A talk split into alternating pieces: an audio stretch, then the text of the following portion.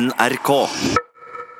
Hvis man ønsker å oppnå ting, og hvis man ønsker å følge drømmene sine, så må man ofte også ta noen valg som, som kanskje er litt tøffe, og, og at man må jobbe på en måte hardt for det. Jeg tror det å liksom forlate hjemmet såpass tidlig, det var, det var liksom tøft. Um, det lærte meg på en måte mye. Da var man liksom litt i gang, da. Da er, da, da er det sånn her, nå går vi for det her. Det var litt den følelsen. Så det, det lærte meg veldig mye, da, å flytte så tidlig. Simone Grøtte er koreografen og danseren som har lagd danseforestillinger med utsolgte saler over hele landet. Vi prater om hva som driver henne, om det å forstå seg sjøl gjennom sin familie sin historie, det å lage forestillinger for folk flest, og fordelen med å vokse opp i Lakselv.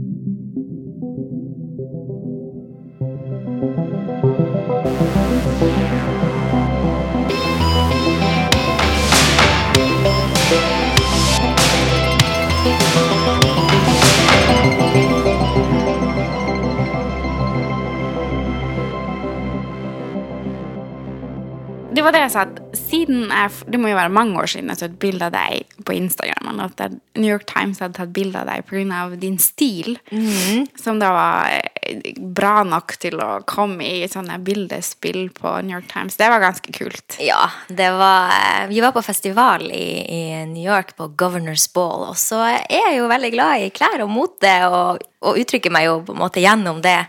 Og da, eh, da hadde jeg liksom dressa meg opp der og og spankulerte rundt på, på festival. og så ble jeg knipsa av bildet, da. I, og så kom det i New York Times, og fikk jo våkna opp og hadde liksom 300 nye følgere på Instagram. Og så, jeg trodde det var, jeg var, var hacka, men det var jeg ikke. det var, så, og, så det var jo litt Det ga jo en liten sånn motivasjonsboost, på en måte, hvis jeg kan si det. Ah. Fordi jeg syns det var har alltid likt klær og, og, og ja, bruker liksom klær til å uttrykke hvem man er, og hva slags interesser man har. Og... Men veldig nysgjerrig, for du har jo liksom hatt ja, Siden det der bildet så har jo veldig veldig mye skjedd. Du har gjort både glemt og så bare margbein som, mm. som, som, egentlig handla om din egen historie, eller? Ja, margbein, ja. Ja, ja um, den der tok jeg For jeg har jo laga uh, flere danseforestillinger. og Mannen som stoppa Hurtigruta, den kom i 2014. Og det var jo det var jo på en måte å se seg ganske langt tilbake. Den eh, tok utgangspunkt i han Noiden, Johan Koven. Eh, og det her med fortellertradisjon, sitte på kjøkkenet, den generasjonen der som jeg var litt sånn eh, Jeg både har vært alltid fascinert av, men også litt sånn litt Kanskje litt eh, Syns det vært trist at det har vært i ferd med å forsvinne litt fra fra min hverdag, i hvert fall, og omgangskrets. Og, eh, så da, da, lagde jeg en forestilling eh, som omhandla det. Eh, også i Glemt så var det andre verdenskrig som var utgangspunktet. Og da var det min bestefars historie som trigga det hele. Men også selvfølgelig en sånn genuin interesse for egen, egen. Var det tilfeldig at den kom til deg, eller, hvis, eller spurte du han liksom Ja, det var Planlagt? Nei, det var egentlig ikke så planlagt. Jeg har alltid vært veldig interessert i gamle folk. og på en måte vår egen historie. Veldig sånn nostalgisk av meg. Jeg liker å se bakover og minnes. I klær òg? Ja, i klær òg. Det er vintage og second hand og retro og full, full rulle. Så, så der, det går jo også igjen, da. Um, og så satt jeg vel egentlig bare og hadde sånn samtale med han, og så kom vi vel inn på litt sånn tilfeldig det her med krigen. Og så spurte han bare eh, Hvilken lyd husker du best fra, fra, krigen, bestefar? Og så ble han så stille og tenkte seg om, og det var liksom tydelig at han ikke kanskje hadde fått det spørsmålet før, det med lyd, det med, med sansene mm. eh, knytta opp mot minner. Og så sa han det at å, det, det må være den der luka som ble skalka igjen over oss på båten når torpedoalarmen gikk. Og han var jo med på den her eh, ene båten som eh, deporterte masse, masse, masse finnmarkinger eh, ut av Finnmark når, skulle, når Finnmark skulle brennes da, mm. av tyskerne. Så da skjønte jeg oi, det her vet jeg for lite om. Det her må jeg ta tak i. så mannen som står på Hurtigruta, og glemte, var å se seg bakover. Men i margbein, da hadde jeg lyst til å være litt i nutida.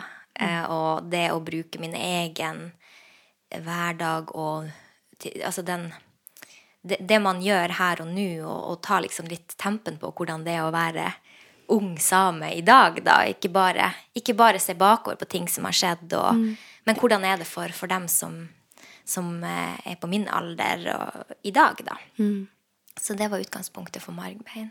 Ok, men litt tilbake til Glemte. Det var litt Fordi at eh, Jeg har ikke sett den ennå, men det som det, Jeg fikk en sånn dårlig samvittighetsfølelse, som jeg tror mange får når man hører deg fortelle om og din bestefar, og for at vi har, sitter jo alle også Jeg tror veldig mange av oss sitter med følelsen, og kon, ganske konkret i min familie. Er det sånn der at Lisa, nå nå er det på tide.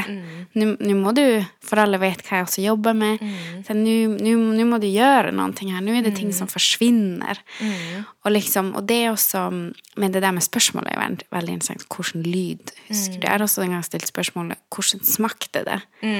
Og åpna seg en hel verden Ja. av ting. Det, det er akkurat det, for, for jeg, det merker jeg jo med det her med sanser og sånn, hvor mye det er som er knytta mot det. Det er helt utrolig. Jeg glemte også, så, så sier han ene informanten som forteller at eh, lukta av sitron Det var første gang han eh, smakte og lukta sitron. Det var av tyske soldater som hadde med seg. Så han sa at uniformene deres lukta sitron. Så han kunne lukte om det var en soldat i nærheten, selv om han hadde øynene igjen, sa han. Og han var jo liten da, han var vel seks-syv år eller noe sånt. Um, og da kan du tenke deg, når du lukter sitron resten av livet, så tror jeg jo han forbandt det med på en måte den, den barndomsminnet hans, da. Det er så sykt når man ser bilder fra ny, nyhetsbilder i dag. Vi har hatt krig. Ja. Vi har hatt krig. Å ja, det er veldig og, og det der med å liksom bli bevisst på egen historie og det, hva slags kan man si, konsekvenser eller hva slags ringvirkninger det har gitt inn i vår tid, det var ikke jeg så klar over heller. Og det du sa med dårlig samvittighet, er jo noe som jeg også har kjent på, det her ansvaret som en sjøl har. Hvorfor hadde ikke jeg spurt? Hvorfor hadde jeg ikke spurt mer om Hvorfor visste ikke jeg at bestefar ble ble eh, deportert når han var elleve år, f.eks., og alle de tingene. Eh, og, men også sånn Når jeg vokste opp i Lakselv, så syns jeg Og jeg syns det var litt sånn flaut, fordi at vi hadde ikke de fine gamle bygningene, sånn som de hadde sørpå, eller vi ble liksom kåra som styggeste plassen i Norge, tror jeg det var en gang. Og det var sånn Jeg var litt flau på en måte over det.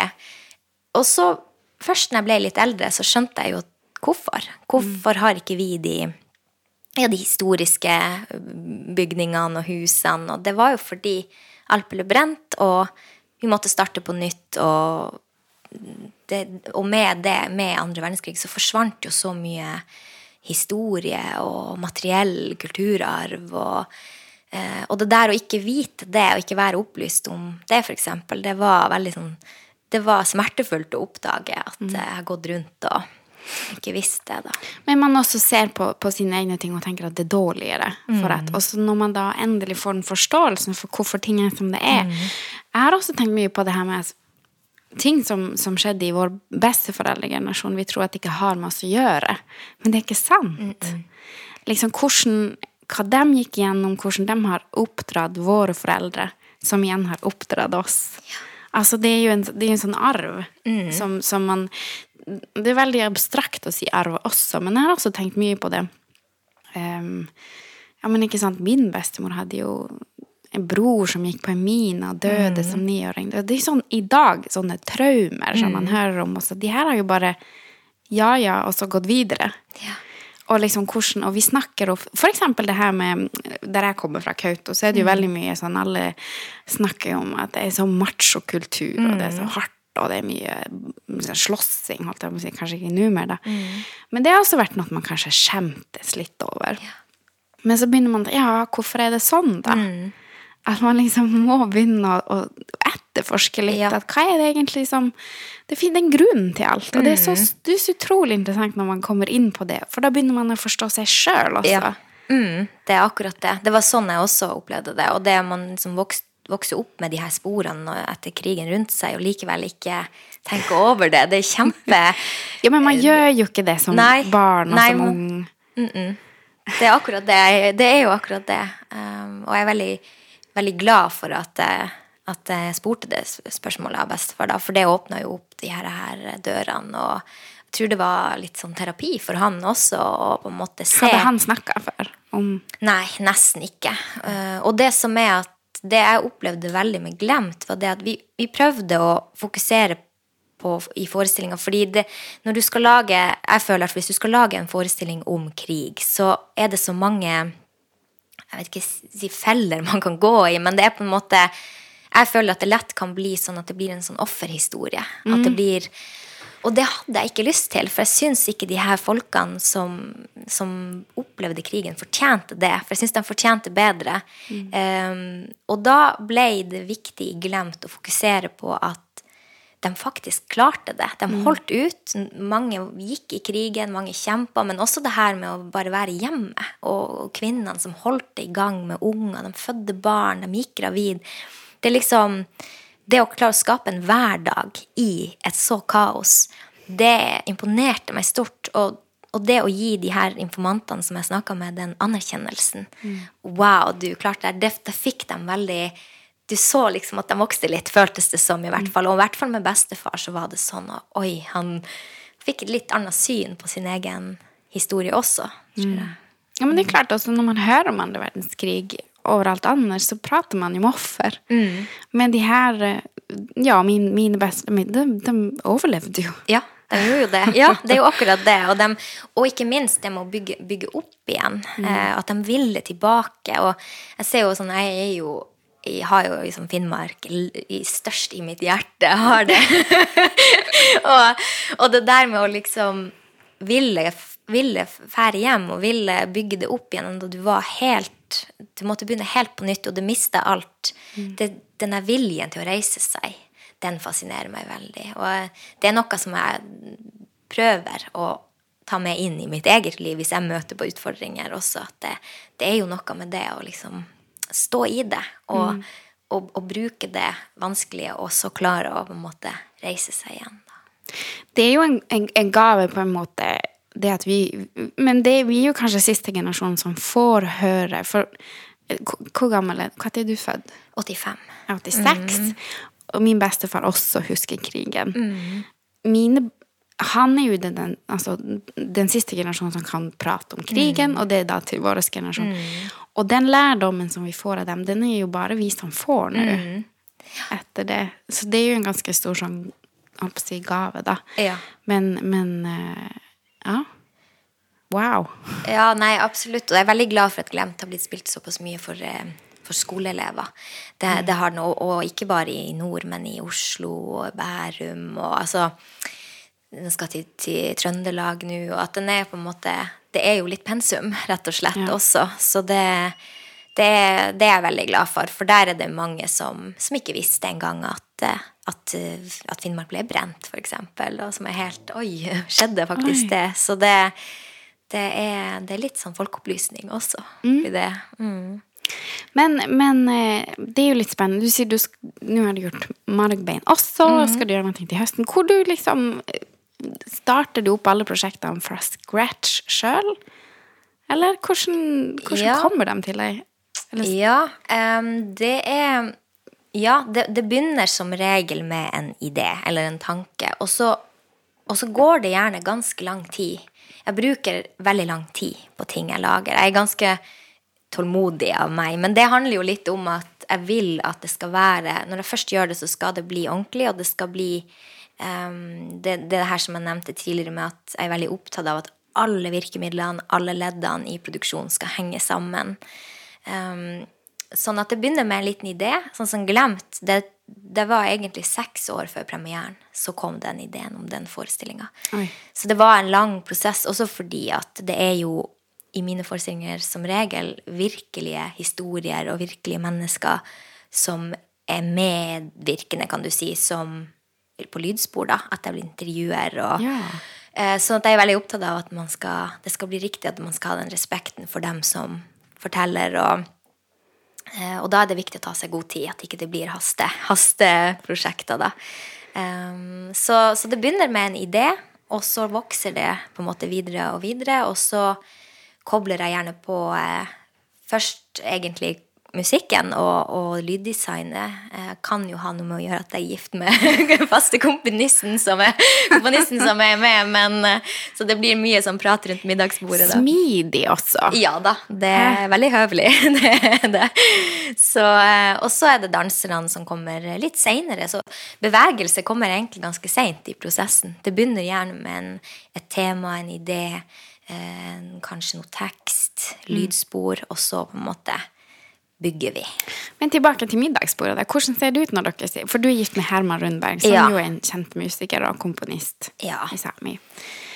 Ja, ja, da, da det, er, det, går jo stort sett i Det er jo litt på godt og vondt det der med å være, være gift med en, en, og jobbe i lag på den måten. Men, men um, jeg liker det fordi at de der kreative prosessene trenger ikke å stoppes når man går mm. ut av studio eller fra, måte, fra jobb. Vi, vi, er liksom kobla på mye, og da, da, får liksom, da, får man gått i dybden. Og, så da sitter vi gjerne over og skreller potet og, og spiser og alt, og, og på en måte prater om temaene og historiene og musikken. og plutselig så kan han få, få en, ny, eh, ny, melodi til seg, så spiller han den inn, og så hører man liksom meg som tar oppvasken i bakgrunnen der. det, er liksom, det er veldig sånn kunstnerbolig kunstner, uh, også, kan du ja. si. Et kunstnerhjem. Uh, så um, ja, det, det, det, er litt 24 timer i døgnet, det der, altså. Ja. Mm. Men det er jo også sånn Nå har jo dere også småbarn, men altså det er jo litt kanskje sånn man må det, for nå er det sånn da, Det har jo vi også opplevd. Vi jobber jo også, vi gjør også et, et firma sammen. Mm. Um, at man ikke har så mye tid. Så man må liksom sånn, man kan ikke planlegge at nei, da skal vi gjøre det. Det må bare, må bare komme når det kommer. Yes.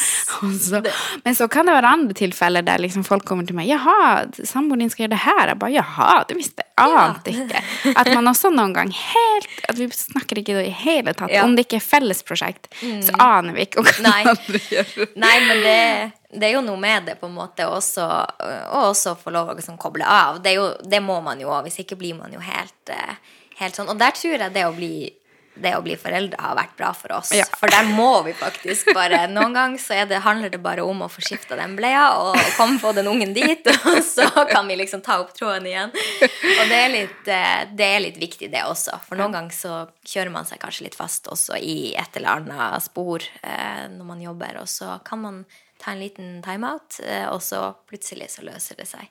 Så jo da, vi, vi, har sånn, vi, har det sånn også. Det, Stor forskjell fra før barn til nå, da? Sånn. Ja, det vil jeg nok eh, kanskje si at det er. Eh, I den, i den, form av at, eh, at, man må faktisk koble ut, og man må puste litt og, og få hodet over på noe annet. Og eh, Um, og også syns jeg vi har blitt mer effektive. Ja, nå blir det interessant. For ja. det, det, sier jeg at man skal så ansette to uh, foreldre. Ja, ja, ja, ja. De får ting gjort. Yes, det er helt utrolig. Det som når vi har lagt henne i vogna på dagen, nå sover hun, nå har vi en time, så er det bare Det er altså et sånt tempo som det er, Og det er så godt å bare kjenne at man har den kapasiteten i seg, da. Det, mm. det ja, etter å ha fått hun lille, så ser jeg jo at jeg, mye, jeg har mye mer i meg enn jeg trodde av, av energi, egentlig. Eh, selv om det kan være utmattende, så, så eh, bor det mye der, altså. Så det å å, ha de der den ene timen du vet, da må du bare Og også det å ta avgjørelser, for da må man Man kan ikke gå og gruble på det kanskje i, i lange, lange tider, så til slutt må man bare ta en avgjørelse. Og det har også vært bra man eh, ikke ser seg helt blind på ting, da. Nei, jo, men kanskje, det har jeg også opplevd. Kanskje også for at man har gått forbi liksom 30 og blitt eldre. At man ja. gir litt mer faen også. Ja, ja, ja. Faktisk. Det er akkurat det. Også det med å, å eh, Ja, og så komme videre med det. Altså, så nå har man jo det er jo ikke første produksjon jeg lager. sånn, så det er jo også noe, man, man, slutter jo aldri å være nervøs og, man, og liksom ha den prestasjonsangsten i det når man lager ting. Men samtidig så er det noe med å ha på en måte funnet sin stil og sitt særpreg og signaturen sin, og da føler jeg at um, At ting går litt lettere også. At det er Man stoler kanskje litt mer på, på sin egen uh, smak, rett og slett. Ja, man trenger ikke å legge tid på tvil. Yes, det er akkurat det. Uh, og det tror jeg Det er kanskje det man ikke har så mye tid til. så, Det er helt fantastisk. Ja. Man, bare, man må bare kjøre. ja. Oi, oi, ja. Så det Ja, nei, det, det merkes veldig. Ok, så det er en time i, i vogna, da er det Da mailes det, da. Yes, da, da skjer det. Da, da må man bare Da er telefonmøtene der og Ja.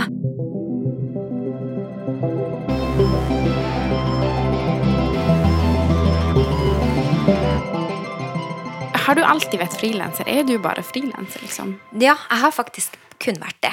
Eh, helt siden jeg gikk ut av Norske Balletthøgskolen. Så har jeg begynt jo å jobbe litt som utøvende danser først. Eh, bodde liksom, hadde base i Oslo og gjorde litt ting. Og så var det her med nord, og så var det å flytte hjemover, eller i hvert fall nordover. Og, og så gjorde vi det da, i 2011. Og, ja, og da em, ja, da var det Da løsna det veldig. Det gjorde det, altså. Da var det på en måte veldig tydelig, kom, ble veldig tydelig for meg at jeg hadde lyst til å lage egne ting. For jeg hadde historier jeg ville fortelle. Eh, det med å, å, la, å lage danseforestillinger som også fortalt, som var fortellerkunst, på en måte. Det var veldig viktig for meg. Så, eh, så ja, jeg har gått fra utdanning til utøvende et par år, og så har jeg egentlig bare drevet min egen bedrift siden. Så det Wow. Ja. Det er ganske kult. Og velger, liksom. Eller du lager jo dine egne historier, så du Ja. velger jo hva du vil gjøre hele tida. Ja, absolutt. Så det eh, Og så er det godt å kjenne på at Hvis jeg kan si det, at det på en måte har bodd i meg hele tida, hatt en interesse for egen historie. Jeg skrev liksom særoppgave når jeg gikk på videregående. Det var faktisk om Johan Koven og de her mm. historiene. Og, og før det igjen liksom på ja, vi hadde blant annet eh, en sånn her dag på barneskolen. Man, har, man kan ta med en, eh, en personlig ting og vise fram. Jeg tror det var i femte klasse eller noe sånt. Og av en eller annen grunn så folk tok jo med bamser og dukker, kanskje. Eller var vel litt, jeg lurer på om vi gikk i tredje, kanskje. Og jeg, jeg fant ut at jeg skulle ta med meg et sånt lite russisk skrin som bestefar hadde fått av en russefange under andre verdenskrig. da. Jeg visste jo ikke noe om det skrinet, annet enn at eh, For vi snakka jo ikke om det med krigen, men han hadde det på hylla hjemme. og Jeg syntes det var så fint. Det var en sånn russefang som hadde eh, liksom rissa inn ting på den. Og det tok jeg med meg og sto foran klassen og fortalte liksom om denne skrinet. Og, så jeg tror det der har alltid bodd i meg. Det har vært noe som jeg har syntes har vært interessant, og også det med å bruke liksom det samiske og det nordnorske. Og, og det kjenner jeg litt godt å vite at det kommer fra det innerste i meg, for nå er det blitt veldig inn å gjøre det. Veldig trendy. Veldig trendy. Og alle er liksom Alle, er fra, alle skal ha det arktiske, og alle skal gjøre noe samisk. Og, og det er kjempefint. Eh, men det er liksom noe med det her med å liksom vite at jeg gjør det av de rette grunnene, og at det er noe som som jeg kommer fra hjertet da, og, og jeg, som jeg er genuint opptatt av. Og det, det, det kjennes veldig bra. Trendy. Det er trendy. Det er trendy, ja. For veldig, veldig trendy. Og det er jo fint også. Og så blir det litt spennende å se hva som skjer når den trenden går over. Da blir det kanskje plutselig litt roligere igjen, Mm. Ja. men da kanskje man får fred å jobbe på en annen Jeg vet ikke. Ja, det, det er akkurat det. Og jeg tror at um, jeg hadde sånn, eh, sånn mentor, mentorordning, det med Jo Strømgren Kompani. Eh, og det er jo, han er jo en av de eh, koreografene i Norge som virkelig har klart det. Sånn, eh, eh, og han sa til meg at eh, han hadde alltid vært opptatt av å ikke følge trendene. Fordi det er når du er utrendy, du veldig fort plutselig blir trendy, og da er du der, mens alle andre må liksom Ja. komme etter. Så, så jeg, jeg lever litt på det at man må tåle å være litt utrendy også, Ja. innimellom, for å Så det er noe med det. Ja. Utrendy, ja. Det, er, det er så komisk, for at det er så ofte man liksom Det føler jeg litt kanskje forskjellen på frilanslivet og, og ansattlivet. For, for når du i et, i et større firma, når du er en del av en gjeng, så må du hele tida Hva vil folk ha? Vi må være det, akkurat det de søker akkurat nå. Mens når du er på utsida, og når du liksom går din egen vei, så får du tenke motsatt. Du får tenke ok, der er alle andre, da drar jeg hit. Ja. Mm. Eh, elsker jo jeg. Ja. har du tenkt på det? Jo da, absolutt. Det er jo utrolig godt å kunne ha den, den makta til å få lov å definere sjøl hva, eh, hva man vil formidle til folk. Og, og ja, det, det tror jeg nok var litt av årsaken til at det ble veldig viktig for meg å, å styre mine egne produksjoner. Og, og jeg er jo veldig sånn Jeg har litt vanskelig for å slippe liksom, kontrollen. Jeg er jo der jeg, har en finger med i spillet på det meste, da. Og det kan jo være litt sånn ja, krevende, da, både for en sjøl og dem man jobber med. Men jeg er veldig sånn Jeg syns det er interessant og spennende å få være med i alle ledd og få virkelig være med og forme det som, eh, som skal ut av det ferdige produktet. Eh, Så, så jeg tror jo at jeg virkelig får sette mitt preg på, på ting, samtidig som at det er jo kjempeviktig å ha inn folk som er gode på sitt felt, som kommer med sine innspill. Og godt å bli utfordra, selvfølgelig. Det skal være noen heftige diskusjoner og litt eh, motstand og Ja. gnisninger i ting. Og, Ja, det er lett å si det, men det er faktisk eh, det er da oftest man gnisler fram Ja. det som blir det beste. Det er, det, er, jo det- og det er jo så frustrerende noen gang når man har de her diskusjonene, og når man diskuterer. Men det er jo der, det, er det som er så herlig når man oppnår Også når man blir litt eldre og man ikke er redd for å diskutere lenger. Ikke redd for at det blir litt sånn hett. At man liksom ser at shit, ok, den personen hadde jo et poeng i det, og så hadde jeg et poeng i det her også. Men det var at man gjorde det sammen som gjorde at det på en måte ble Så det er Yes. utrolig artig, hele den prosessen. ja, jeg er helt eh, enig. Og det å liksom man, Jeg har jo også på en måte bygd mitt team av dem som jeg har rundt meg, og det er viktig Bruker du samme folk oftest? Ja, stort sett så har jeg jo På musikksida er det jo samme. Det, det er naturlig nok. Ja, det hadde blitt litt for mye Ja, det, det. Så den er der. Og så har jeg en scenograf som jeg jobba med fast i mange år nå. Og danserne, dem, der er jeg litt opptatt av at eh, Selvfølgelig å ha med dem man har jobba med, men men at det på en måte de skal være riktig for produksjon, og at det uttrykket og det, den karakteren som de er, er riktig. da. Så det er ikke sånn at jeg føler meg fastlåst til det heller. Um, så ja, jeg prøver å ha en liten sånn base, men at det alltid er fint å, å rullere litt og få litt nye impulser. Og, men jeg er liksom veldig opptatt av at de folkene som er med der, skal være eh, kunstnere som tåler akkurat det der, som, vi, som du sier også, med å diskutere uten at man på en måte da eh, blir så fornærma at man ikke kan At man tar det for akkurat at det er det det er, eh, og at det er en bra ting å, Ja. å være litt uenig og stille noen, noen spørsmål, åpne spørsmål og eh, bli litt utfordra. Det tror jeg er veldig. Selv om det er jo selvfølgelig superirriterende hvis man har noe man har liksom virkelig sett for seg, og så kommer det inn en sånn 'Men du, er du sikker på det?' Å, det kan være så irriterende. Men det er viktig. Men også så- er man så sykt glad for dem som, som stilte det spørsmålet etterpå. Ja. For den hadde jo helt rett. Ja, det er akkurat det.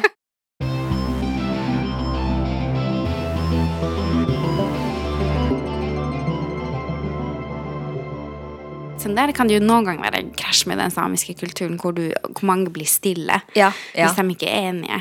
Og der har jeg også prøvd å liksom jobbe litt fram at nei, men nå kan vi ikke være stille. Nå må, må alle meninger ut, og sette Ja. konfliktskyhet bort. Ja. Eh, alle sånne ting. Men, men samtidig, når man jobber med folk man kjenner, så vet man jo ok, nå er den personen helt stille. Da Ja. får man finne på noe annet. ja, det er et tydelig signal. Men, det er men hvordan, når du sier at du er kontroll, litt sånn kontrollbehov, Ja. hvordan eh, ser man det i en produksjon? Um, Preproduksjon, kanskje? Ja. Um, jeg tror uh, man ser det ved Eller det vil si, det er ikke sikkert at det er så lett som publikummer å se det på en måte, fordi eh, det, for meg handler det om at alt som er med, skal være der for en grunn. At hvis du har den fargen på kostymene, eller hvis du har den den, den detaljen, eller så skal det være for en grunn. Og da må den personen som presenterer det, altså den som designer det, må ha et svar, da. Hvorfor har man gjort sånn? Og, og det er ikke sikkert at de tingene alltid eh, liksom er noe som publikum kanskje sitter, altså, klarer å oppfatte akkurat det.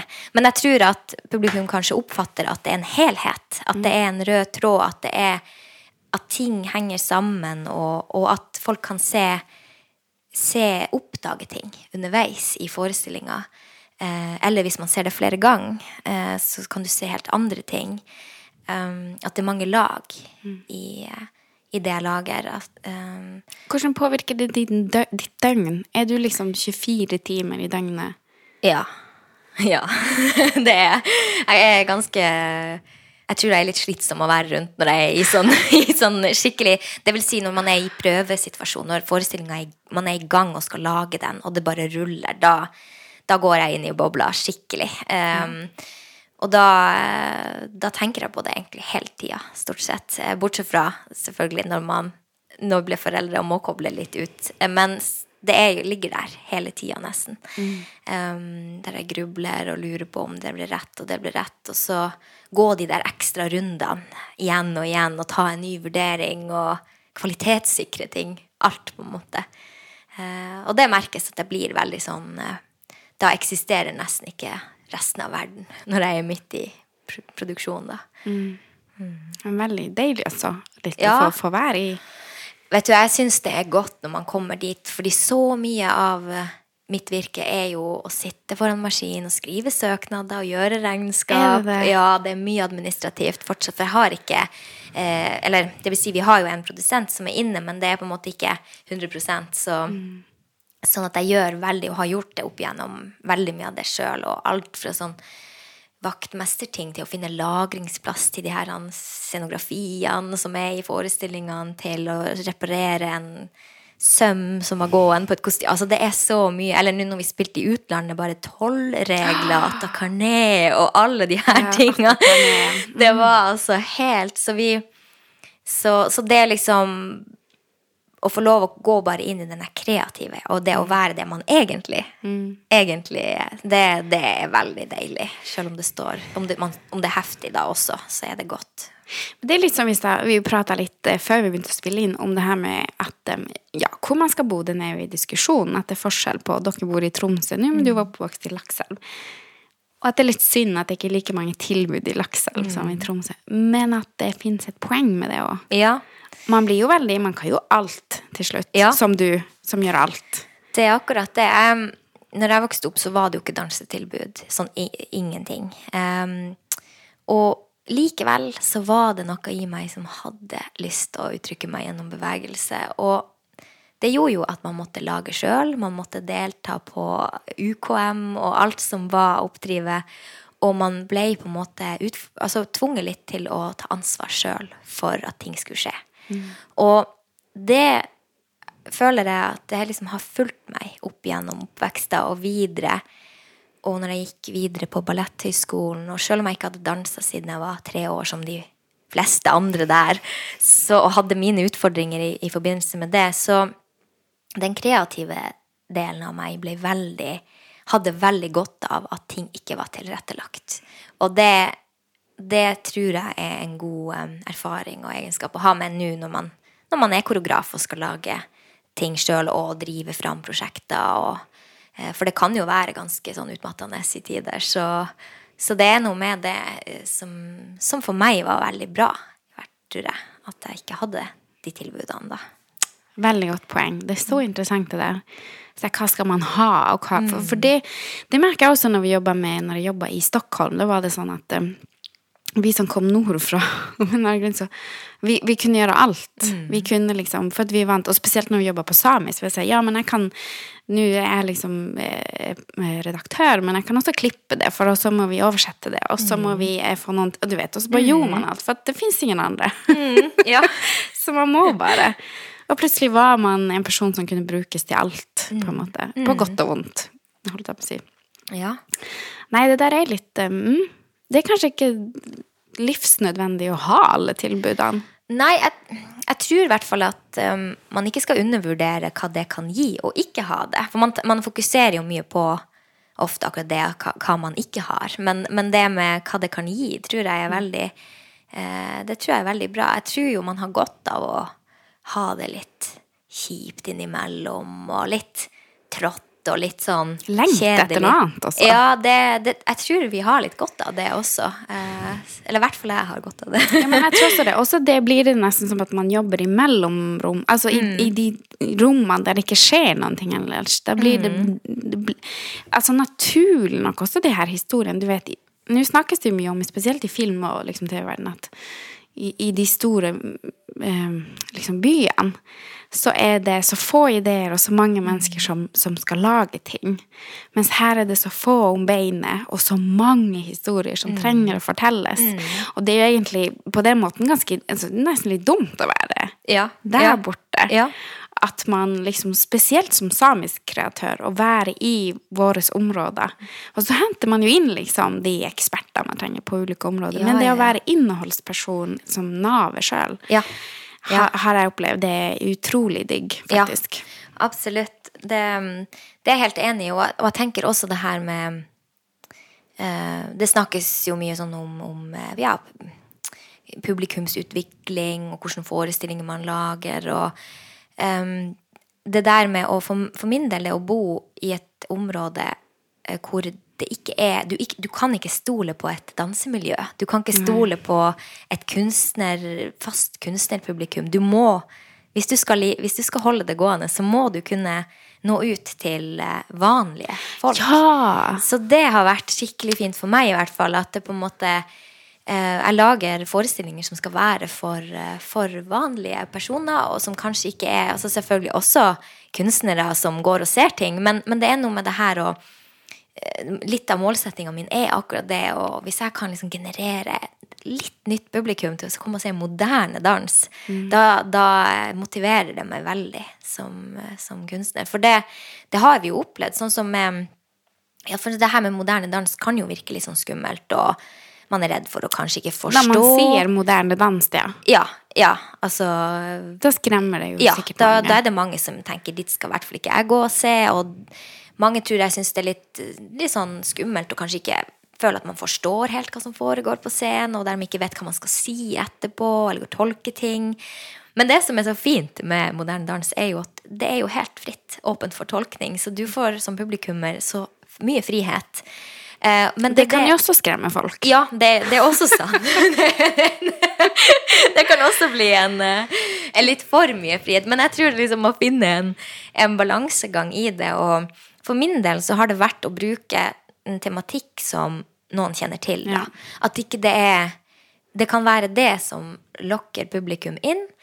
Eh, men så når du først er der, så får du på en måte de, de, Da har du litt noen rammer, men så får du lov innenfor det da, til å, til å tolke det som du vil. Og med Glemt um, så var det mange sånne opplevelser hvor um, ja, hvor vi hadde f.eks. en dame på 95 som aldri hadde sett dans før, som kom inn med rullator inn på forestillinga og skulle se det, og det, det syns jeg var det var en helt spesiell opplevelse. Da har man gjort noe.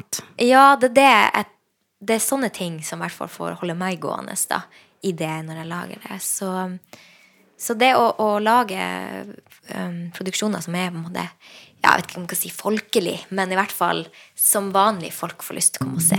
Det. Så artig å høre.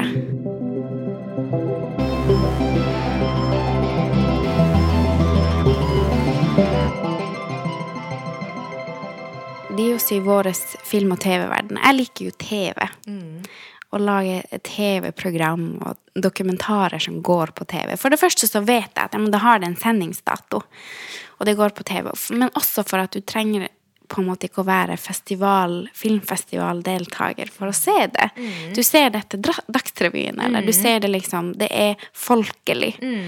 Og, um, og, og, og sånn her når man kan gå på, på, på Markene hjemme, og, og folk i alle aldre har sett det, disse, da gjør man jo noe som ikke er for noen slags, hvis det finnes, elite. Ja.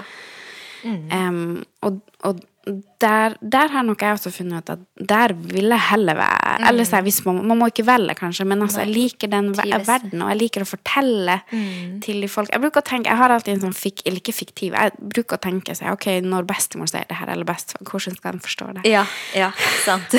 Har du sånne som du Forstår de her det her nå? Ja, ja, ja. ja jeg har jo eh, jeg fikk jo mange sånne fine opplevelser og tilbakemeldinger etter, etter de her forestillingene mine. Også sånn som bestefar. Jeg var jo veldig spent på han Ja. når han kom og så Glemt. Og, og han også eh, Han eh, hadde Det var så mye når jeg først snakka med han etterpå, så, så han så så mye i i dansen som jeg aldri hadde trodd at det gikk Nei. an. Han hadde så mye tanker om forskjellige ting.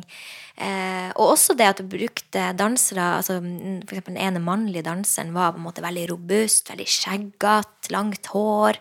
Veldig sånn eh, Og da sa på en måte onkelen min, som heller ikke ser spesielt mye dans, at det var jo Han var jo som å hente rett fra sjøen. En skikkelig sjauer. Fiskesjauer.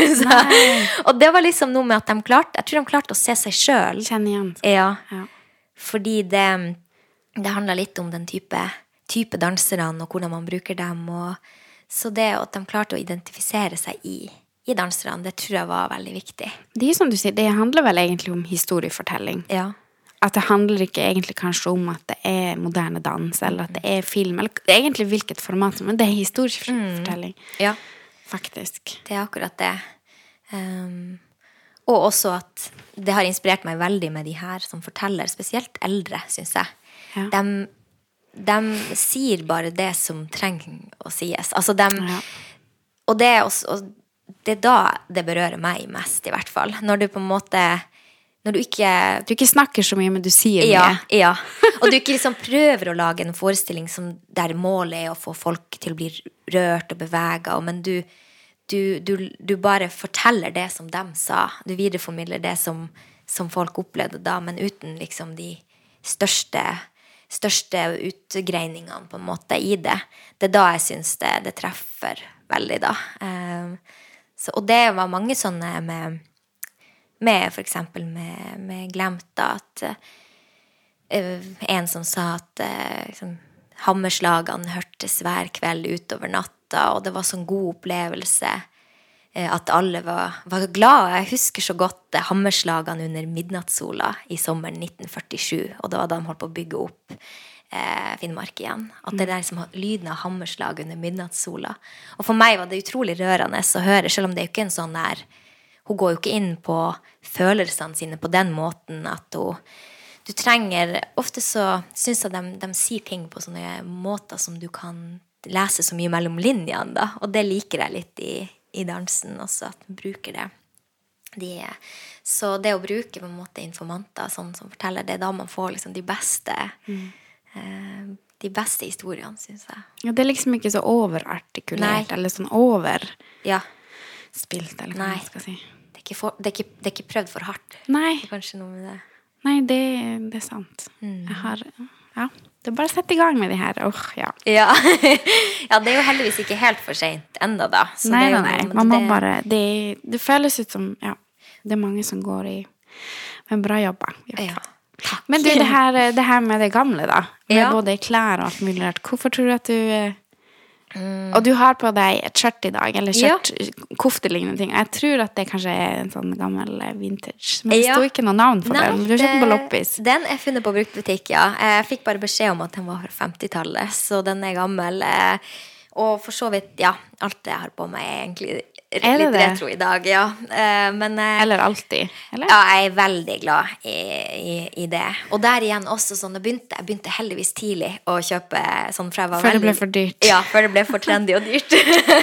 Så da har man på en måte opparbeida seg et godt lager. og Nei, jeg syns det er kjempespennende med, med, med klær, og at den historien som har liksom levd i klærne også, og at det, er, at det er litt unikt, og at det er ikke masseprodusert, og ja, det er kjempespennende, syns jeg. Og igjen det der med å se seg bakover. Jeg er veldig opptatt av det. Det der, ja, eh, lære av se se tilbake for å lære litt om nutida og eh,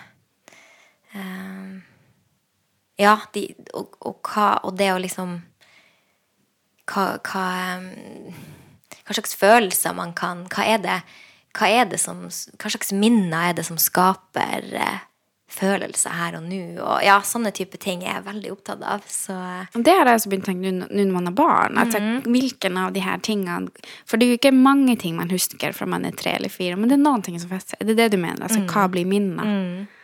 ja. Det, det er jeg veldig fascinert av. Så, eh, så jeg tror jo det er det tror det er noe med det som går igjen med det med klær også, at jeg er veldig, er veldig nostalgisk av meg, altså. Så, så eh, Hvordan ser deres hjem ut? du, vi bor faktisk i det vi kaller for tidsmaskinen. For den, det er et hus som er bygd i i 1960, og der har tida stått stille.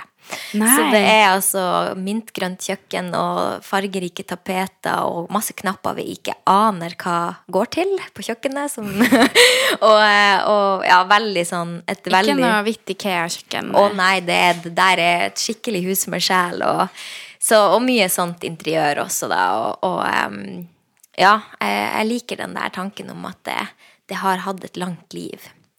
At det er litt sånn at både klær og ting og interiør også på en måte blir litt sånn Får liksom litt menneskelige trekk, på en måte. Og det, det bruker jeg jo på en måte litt i forestillingene mine òg, for jeg bruker jo Jeg har eh, alltid rekvisitter med som, som danserne danser med. Det kan være en kaffeboks eller en gammeldags kakeboks eller en radio.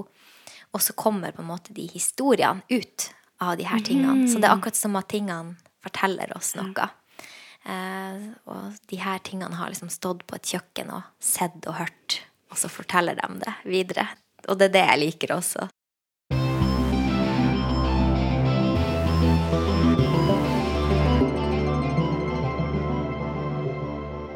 Fins det noen hendelser i livet som har eh, liksom virkelig forma deg, eller lært deg noe om, om deg sjøl? Ja Jeg tror jo Jeg flytta veldig tidlig hjemmefra, syns jeg. Um, jeg var 16 eh, da jeg flytta til Tromsø, og det er jo langt fra Lakselv til Tromsø. Man tenker kanskje ikke over, men det er jo ni timers kjøring, da, så det er jo et stykke. Og det var en avgjørelse som jeg tok fordi at det var den eneste måten jeg kunne fortsette med dans, eller begynne, begynne på dans. Jeg begynte jo da jeg var 16 først å danse. Um, og da skjønte jeg på en måte at hvis man ønsker å oppnå ting, og hvis man ønsker å følge drømmene sine, så må man ofte også ta noen valg som, som kanskje er litt tøffe, og, og at man må jobbe på en måte hardt for det. Jeg tror det å liksom forlate hjemmet såpass tidlig, det var eh, å reise så langt. Og jeg kjente ingen i Tromsø. Det var litt sånn der alene første skoledag, og, og kjente ingen, og var litt sånn en periode der. Og det var sånn tøft. Um, så jeg tror det var Det lærte meg på en måte mye. Da var man liksom litt i gang, da. Da er, da, da er det sånn her, nå- går vi for det her. Det var litt den følelsen. Så det, det lærte meg veldig mye, da, å flytte så tidlig. Oi, så tøft gjort. Ja, og jeg skjønner ikke at mamma dem lot meg fære. Når jeg har fått unger sjøl, så tenker jeg 16 er lite, altså, nå når Og til Tromsø og så langt. Du kan liksom ikke kjøre og sjekke henne på, du kan ikke bare komme det var, eh, Så det var på, rett på hybel, ikke noe kollektiv i lag med andre. Det var rett alene. Og, så det Ja. Det, det tror jeg vokste mye på, og tøft gjort av dem å slippe meg. da. Men de skjønte vel at jeg hadde Det måtte bare gjøres. Hvis ikke så tror jeg de skjønte at jeg hadde blitt ulykkelig. Ferie og sånn, da. Ja. Hvordan er det med Og ferie og fritid? Mm.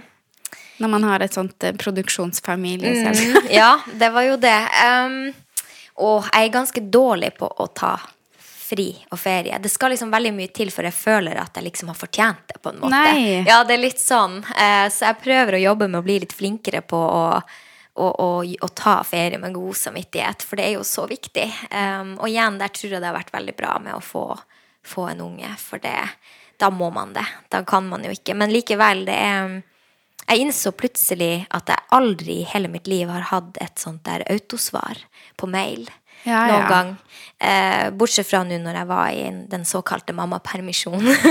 Den såkalte, Den ja. såkalte, ja. Det var, lagde jo en, forestilling og produserte en turné samtidig. Men, eh, men det var første gangen jeg tenkte nå skal jeg prøve meg på sånn her autosvar på e-post. Sånn som de, de andre har når de er på ferie, borte fra kontoret snart. Ja, det der. Eh, så det, det sier jo litt om at man egentlig aldri er helt avkobla, da. Nei. Men eh, jeg tror det der er en, også en sånn ting man bare må jobbe med og lære seg og liksom ja, koble litt av. Så får vi, får vi håpe at det, Det er litt en mektig følelse å føle, å føle at man sitter, sitter og styrer sin egen skute. Er ja, ikke det? Ja. Det er, veldig, det er veldig godt å vite. Også for det er jo jeg tenker det, sånn der ting er jo veldig overførbart til andre ting også, hvis man har lyst til å drive med ja, andre ting. eh, Hvis, hvis det skulle skje noen gang. Så, så det, jeg tenker at det er jo kompetanse som alltid vil være verdt å ha med seg da, Mm. videre. Og som jeg tenker egentlig våre Altså, for å tenke, Vår beste, besteforeldregenerasjon, de Ja. folkene som har bodd i Kautokeino egentlig over hele Sápmi, det er jo ingen som har liksom Alle har jo bare styrt sin egen skute. Ja, ja, ja. Og ja. skaffa seg sine egne inntekter. om du vet. Mm, ja. Så det er jo egentlig Jeg tenker mange ganger at det er mye mer naturlig for oss enn Ja, ja, ja. Ja, det er jeg helt enig i. Så ja, det, den eh, Det ser jeg jo pappa også. Han har jo både bygd sin bedrift og hadde Og uten å ha på en måte noe utdanning engang. Han var liksom ferdig på skolen når han var ferdig med, med videregående. Var, men han har jo klart det, han òg. Og det er noe med det der og igjen, eh, igjen Hvis ting ikke blir for tilrettelagt, så trenger ikke det nødvendigvis å være noe negativt, da. Det er litt hvordan man tar det også. For du har litt eh, Nå ser jeg bare på din Instagram. Du har litt Ja. vogner. Ja. Og igjen litt sånn gamle, gamle ting. Ja, jeg begynte å samle på retro barnevogner, eh, og det var litt komisk, for det begynte jeg jo å gjøre ganske mange år før, eh, før ungen kom til verden. Så det, så det var en heldigvis mamma og pappa med en stor garasje som forbarma seg over meg, da. Men igjen, ja, barnevogner, Sånn gamle barnevogner fra 50-60-tallet. Hvor mange har du? Jeg har, tror jeg har fem. Ja, sånne gamle eh, vanlige. Og så har jeg en sånn retrosportsvogn til og med også. Så det mm, De er jo helt fantastiske, da. Så eh, det har vi trilla mye med i Troms, og da får vi mye kommentarer fra eldre som syns det er så fint at vi bruker de vognene, for de var jo virkelig fine, de vognene. Nå ser de jo litt ut som sånn romskip, mange av de. Ja, ja.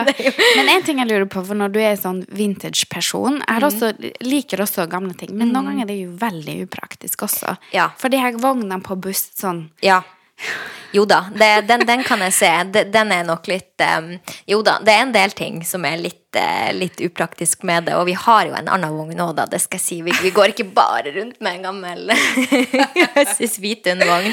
Men uh, uh, Så det Ja, men jeg tror at man bare liksom må finne bruksområdet på det, da. Hvor det, det passer, det hører hjemme. Og det der er jo litt begge veier. Noen ting er jo veldig Ser i huset vårt. Det, vi har én ny dør til badet, og ellers er det dørene som er fra 1960. Og den nye døra, den knirker og blir slarkete i håndtaket, og den bråker, og den er ikke ordentlig tett. Og de gamle dørene, det er så forseggjort, det er så lagd for å holde og vare, og, og det, det skulle jeg kanskje ønske at det var litt mer av i dag, at man liksom tenkte litt lenger. Men det er så tragisk, for det er så tydelig at de bare skal tjene penger Ja. på å selge masse ting, og at det skal bli ødelagt, og så må man kjøpe nytt. Og det er jo det som har ødelagt hele verden. Ja, det er jo akkurat Faktisk. det. Ja, det her overforbruket og alle de tingene. Så det, det, det, det er noe jeg har fått erfare veldig ved at vi bor i det så gamle, et så gammelt hus. At Ubrukelige ting i dag. Ja. Og det er så plastig, og det er så Nei, nei, nei. er veldig dårlig kvalitet, rett og slett, på det. Det meste. Så, eh, så der er jeg veldig glad for eh, at vi har eh, dører som, som ikke bråker sånn at hun våkner når vi skal snike oss ut fra rommet når hun har lagt seg. Så man endelig får jobba litt. Yes. Ok. Å, herregud, det her er artig. Hva er det beste rådet noen har gitt deg? Oh. Ja, hva er det beste rådet noen har gitt meg? Eh, Ja, jeg har et sånt eh, sånn eh, lite ordtak som eh, mamma brukte å si. Eh, Den er litt rar, så jeg må forklare den, men hun brukte å si at eh, alt ordner seg på side 90. Og det er, og den har jeg faktisk Den har jeg sånn, sånn bilderamme på, på veggen hjemme.